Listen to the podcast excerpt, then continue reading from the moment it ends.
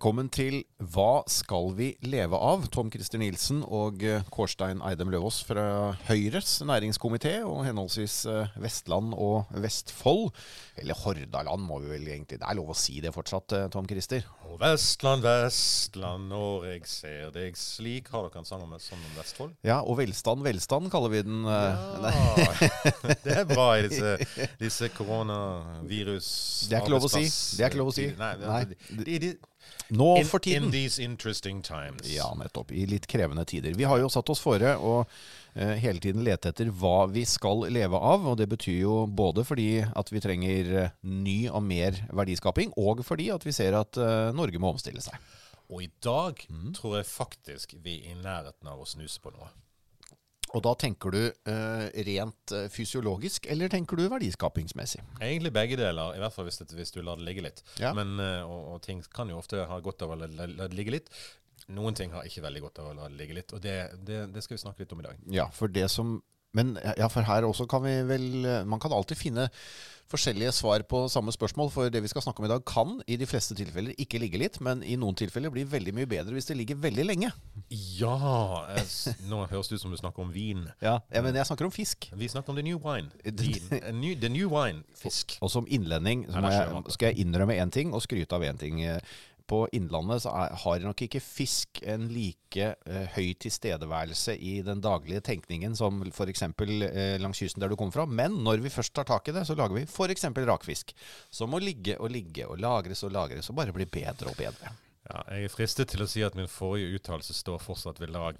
Eh, ja, Ja. det er greit. Ja, så Rakfisk er definitivt en, en, en mm, ja, verdiskaping Det er Delikatesse, ikke det det heter Det når vi skal uh, snakke om noe som vi spiste i Syden, og som vi ikke vil spise noen gang igjen. Nei, uh, veldig mange elsker rakfisk. La meg ikke fornærme de, men la meg si at for min del så velger jeg kanskje først andre fiskeprodukter. Fersk fisk. For eksempel. Ja. Men vi skal altså snakke om fisk, og det kan man jo selvfølgelig leve av i den forstand at uh, det gir deg kalorier og, og proteiner og nødvendige vitaminer, men eh, vi er jo mer egentlig da på jakt etter hva kan vi leve av sånn verdiskapingsmessig. Ja, og her møter vi et par problemer sant? Eh, som vi møter i alle bransjer. For det første eh, er det sånn, tjener vi godt nok på det? Eh, har det nok potensial til til å bli noe mer av? Og når du tenker på fisk, så tenker du ofte på villfanget fisk, og så tenker du at ja, men det blir ikke mer fisk i havet. Så, så det, dette, er jo, dette blir jo som det blir i dag, og så kan vi bare se om prisen går litt opp eller ned, og det er liksom det. Er liksom det. Ja, har vi etter så mange år som vi har holdt på med fiske, som jo begynner å bli noen hundre, kanskje noen tusen, har vi nå kommet til det punktet at vi tar ut det som vi kan ta ut av villfisken? På en måte, ja. Men og her er det store mennet. Og, der er det store, og i det mennet ligger den store muligheten. Fordi ja, på de fiskene vi faktisk, og den sjømaten vi faktisk tar ut i dag. Men det viser seg at det er en hel masse vi ikke gjør. Vi ikke tar ut. Oh, ja? Og uh, da begynner det å bli veldig spennende. Og så er det en masse ting vi kan gjøre med, med ressurser fra havet som vi ikke gjør i dag. Så for hvert eneste år så eh, kommer det ut eh, nesten 1500 nye produkter fra, eh, fra marine organismer. Så i, 1500 nye produkter på verdensbasis. eh, og da er det ikke bare til mat, altså alle mulige produkter, alt fra helse til eh, Helsekost, enzymer, eh, mat eh, og, og kjemiske eh, råstoffer til, eh, til prosesser. Eh, masse forskjellige produkter som dukker opp, og som eh, utviklingen i biologi og utviklingen i genteknologi, utviklingen i kjemi, gjør at vi kan nytte oss av. Men også innovasjon her, da. Eh, For jeg tenker I gamle dager, da man gikk i fiskedrikken, så lå kadaveret der. Ja. Så måtte du ha gått minst husmorskolen for å vite hva du skulle gjøre. Ja. Men nå finner du sånne ferdige to minutter rett på grillen, ferdig aluminiumsbakk som du bare fyrer opp på. Ja, mm. for eksempel. Og, og så er det sånn at vi alltid har hatt en liten utfordring med havet, og det er at eksempel makrell. Eh, spiser du makrell? Jeg elsker makrell. Jeg. Eh, ja, har- ja, det, uh, men jeg har jo skjønt Jeg jo, har uh, en kone som har opphav i Trøndelag, og fra Trøndelag og nordover så er man litt skeptisk til makrellen. Men nå har jeg til helgen så skal jeg ut og fiske makrell, for den er nå, det, Oslofjorden er stinn av den. Men jeg har fått lov til å gjøre det mot løftet om at jeg skal steke den utendørs. Så bra. Mm. Det blir fantastisk. Det er godt. På, du skal på grillen? Eh, ja, eller jeg tar med stekepannen ut, da, så steker den på grillen. Men fileterer den. Og det er jo fordelen med makrell. Når du får eh, makrell, så får du jo så utrolig mye, så du kan jo bare fråtse i fileter. Og det blir helt nydelig. Men makrell er jo litt av den Det var jo en sånn overtro, eller er også en liksom myte om at eh, ja, den spiste lik, og derfor så, så ville ikke folk spise den. Det er selvfølgelig mm, mer i mytekategorien enn i reell kategori. Og det betydde at vi faktisk ikke utnyttet den ressursen. Eh, og det gjaldt også en del masse andre fisker. Og sånn er det faktisk fortsatt. Det er det store overraskende. I dag, du kan si at eh, hvis vi skal tro f.eks. Sintef, så kan vi øke eh, den norske fangsten, eller høstingen, av eh, ville marine ressurser, inkludert litt, eh, litt tang og tare, mm. fra i dag ca. 2,6 millioner tonn til 4 millioner tonn. Det er jo nesten Altså, Ja. det er mye. Det er en voldsom økning. Og det er mange fiskere, og det er mye bearbeiding, det er mye verdiskapning, og det er masse arbeidsplasser. Kan man, ta, kan man hente ut den økningen med eksisterende infrastruktur? Nei, ikke helt. Nei. Uh, I noen tilfeller ja, ved å utnytte dagens infrastruktur bedre. Men i noen tilfeller så må vi faktisk bygge helt nye verdikjeder, helt nye fabrikker, helt nye bedrifter. Helt nye båter, helt nye verk verktøy og redskap der ute. Så dette er potensielt, eh, potensielt en ganske stor økonomisk omstilling, både på land og, og sjø, men som er lønnsom. Og som har enorme muligheter i forhold til å skape arbeidsplasser. Eh, Noen antyder at dette kan kan være i nærheten av 50 000 arbeidsplasser for, eh, eh, fremover for å, å gjøre dette, når du kombinerer da med mulighetene for havbruk. Og Men- der Men skal, ja, men skal vi da fortsette å ta opp råvaren og sende den til et eller annet land og få den tilbake igjen ferdig bearbeidet, eller skal vi gjøre mer av det? Nei, her må vi faktisk gjøre mer av dette. fordi det er ikke nødvendigvis sånn at alt det som vi skal, da skal ta opp, er så egnet for å transporteres over lange, lange avstander uten å bearbeides. Så, så her er store muligheter både på rauåte, på plankton, på eh, tal, eh, tang og tare og alger. Du vet, rauåte, det er det bare Det er ikke alle som vet hva det er. Rauåte, ja. Rauåte er en liten organisme som torsken spiser. Ja. Um, og det, derfor blir det noe konflikt rundt, eh, rundt fangst av den. Men det, det er en liten uh, organisme i, i havet Nettopp. som uh, har veldig gode egenskaper i forhold til bl.a. helsekost og i forhold til uh, fôr for uh, havbruk.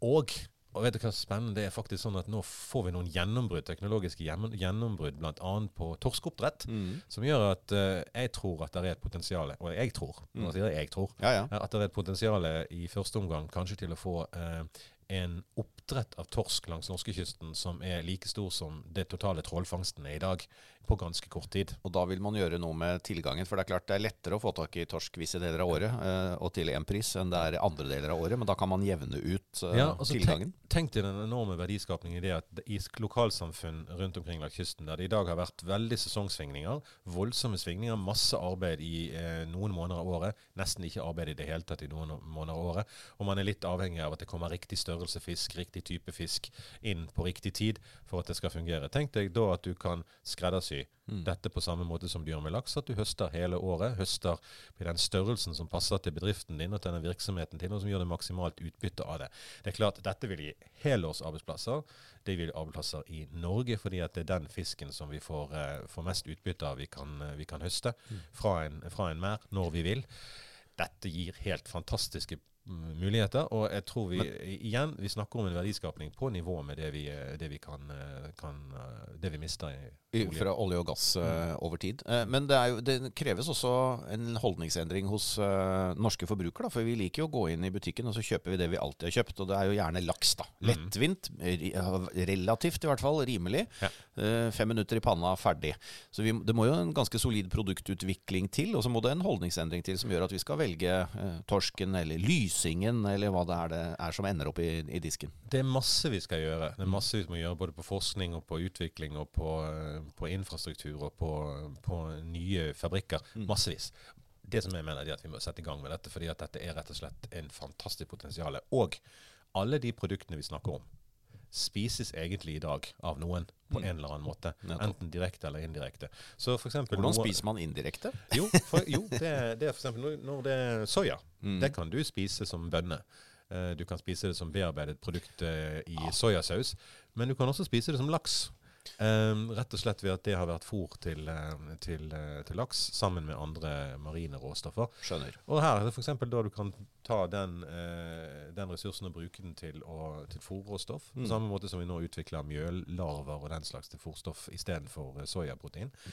Sånn kan, du, sånn kan du fortsette. Og der er en, et vell av muligheter som ligger rett utenfor stuedøren vår. Og så er vel uansett det norske markedet ikke stort nok til å, å ta unna, så vi må jo også eh, fortsette å være flinke til å, å eksportere og ha gode handelsavtaler. Men det er morsomt å se også hvordan det endrer seg. Min far fra Sørlandet uh, spiste breiflabb første gang eh, etter fylte 70, for det var noe man bare kastet. Eh, og jeg, jeg husker fortsatt blikket hans da han satte tennene i det. Så, og da så du liksom i sakte film Han så for seg alle breiflabbene han hadde kastet opp gjennom årene og tenkte at dette, dette var en grov bommert. Og, og det nye som kommer nå i Oslofjorden, hvor torsken foreløpig er eh, mer eller mindre borte, så kommer lysingen. Eh, Det kan vi spise.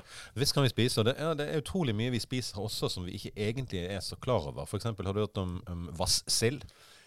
Jeg har hørt om det, men ikke spør meg hva det er. Det høres jo ikke, det høres unektelig ikke ut som et kvalitetsprodukt. Nei, altså Vassild høres jo ikke så attraktivt ut, og det skjønte òg de som skulle produsere fra det, så de har skiftet navn på den Ja, til eh, hvitlaks. det høres bedre ut. Ja, og det Ja. ingenting med laks å gjøre. Men eh, i alle tilfelle, den, det er veldig mye av de fiskekakene du spiser, så er det vassell. Og dette er ikke en produkt som du ville ha eh, gått ut, eh, halt opp og lagt på middagstallerkenen eller på grillen din, sånn Nei. som, som makrellen.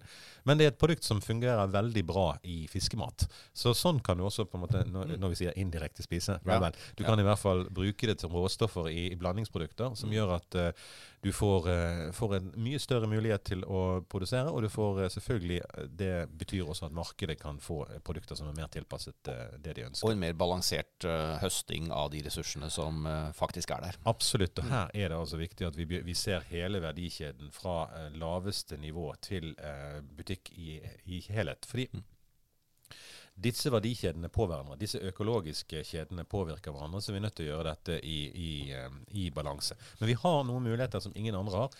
Vi har tilgang på masse vann og areal. Det er ikke vanlig rundt omkring i verden. Vi har tilgang på mye rent vann, ferskvann, eh, og vi har arealer i sjø og på land. Det er, dette er muligheter som veldig få har, og som på akkurat dette området er veldig, veldig veldig, veldig viktig når det gjelder næringsmiddelproduksjon. Og vi har faktisk høyere verdiskapning i norsk næringsmiddelproduksjon enn det vi har i, eh, i land, landet ved siden av oss.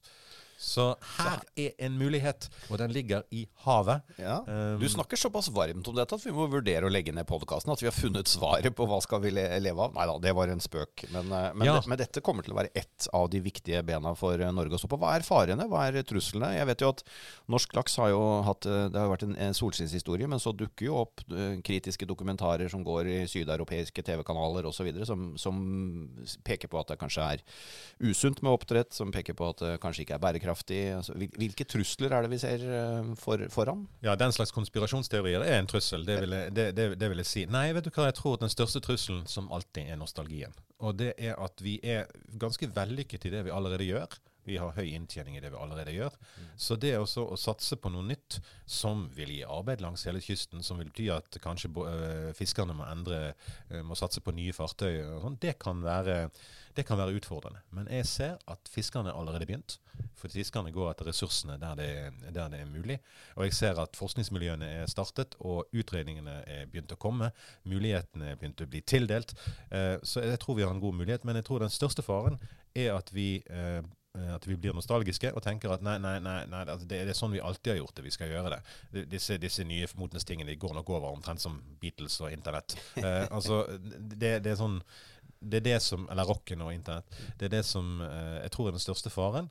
Eh, og at vi blir for opptatt av store, digre symboler, enkeltting, eh, som gjør at vi ikke satser penger der vi faktisk har eh, muligheten til å tjene de, men eh, der vi har muligheten for å bygge mon monumenter. Og da tilbake igjen til holdninger. For noen tiår siden så lo vi av at vi skulle bruke tang og tare til, eh, til menneskemat. Men det er jo ikke bare et sært helsekostprodukt lenger, men det begynner å bli en innsatsfaktor.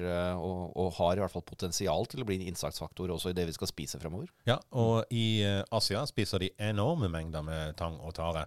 Eh, så hvorfor skal ikke vi eh, delta på det markedet? Og der, der, altså der er det potensialet. Der er det sannsynligvis et potensial ved bare bruk av noen promille av vårt areal. Er det et potensial på 20 millioner tonn produksjon av, av tang og tare. Det er helt fantastisk. Og det er et produkt som både er sunt og som også lager grunnlag for masse kjemisk eh, På samme måte som, eh, som skogindustrien. Eh, biokjemi er en fantastisk ressurs eh, i tang og tare. Og som til og med har ulike smaks, smaksforsterkende effekter. Det er vel en av disse tare som smaker som østers. Ja, og trøffeltare. og trøffeltare. Ja. Og så er det veldig gøy å proffe de der boblene Ja, på blæretangen. Blæretangen, ja. ja. Det er tilbake til barndommen igjen. Ja. Men, eh, Nesten like gøy som sånn plast, sånn uh, bobleplast. Ja, kanskje man kan begynne å bruke blæretang som eh, isolasjon i, uh, i pakker man sender. Eh, vi- nå- nå nå sporer vi av. Nå sporer vi av. Ja. Nå. Jo, jo, men vi må, du, nå var du veldig nostalgisk, ikke sant? Vi må tenke nytt. Vi må tenke nytt, men jeg vil heller spise den. Det skjønner Eller jeg. grisetangen, da helst, egentlig. Men verdiskapingen eh, per årsverk i, eh, innenfor eh, denne næringen Mm. er eh, høyere enn gjennomsnittet i Norge, men relativt mye lavere enn innenfor olje- og gassektoren. Men eh, det er såpass mange arbeidsplasser det er snakk om at det kan være en, eh, en viktig erstatter. Ja, det er det. Og det er ganske høy verdiskaping per, per arbeidsplass, som du sier. Eh, ikke nødvendigvis så høy som de, altså den, lille, den delen av norsk olje og gass som jobber direkte med, med utvinning. Så høy ikke verdiskapningen. Men hvis du ser på hele klyngen, eh, nemlig av, eh, av eh, verksted og eh, leverandørindustri og prosessindustri, og, så begynner det å ligne litt, eh, ligne litt mer. Og da har vi noen muligheter her. Og hvis du kombinerer det med at det blir flere folk i verden, og disse, disse ressursene kan brukes til å gi mat til verden, og gi høy kvalitet, ren mat til verden, da tror jeg vi snakker om et uh, ganske stort potensial for verdiskapning i fremtiden. I hvert fall et stort uh, potensial for arbeidsplasser. En rapport fra 2016 antyder at hvis du ser på havrommet som helhet, altså i eh, både dette og andre muligheter i havet, eh, om du utvinner mineraler eller du bygger eh, kraftverk i, i havet, så snakker man om at det er mulig å faktisk totalt sett erstatte hele olje- og gassindustrien på lang sikt. Du snakker så varmt om eh, havet og havnæringer at man skulle nesten tro du var fra Vestlandet eller var fiskeripolitisk talsmann eh, i Høyre. Ja, du skulle nesten tro det. Og det er jeg. Og jeg er født på en øy eh, med beina i saltvann. Så det er klart at, at dette er Skal vi si at det, det var noe verdiskapning for havet som, som var litt utfordrende i min barndom. Og det var den sildoljefabrikken som lå like ved. Ja. Eh, men det luktet jo penger. Ja. man lærte seg at den lukten er penger, rett og slett. penger. Akkurat som man på Innlandet har lært seg at eh, når det snør, så snør det penger. For da skal man ut og brøyte, og det får man betalt for. Sant? Ja. Ja ja. Nei, men det gjelder å ha en positiv innstilling. Ja, det gjelder å ha en positiv innstilling. Jeg, jeg tror jeg satser på eh, sjømat framfor brøyting akkurat nå. Ja, i hvert fall. Ja.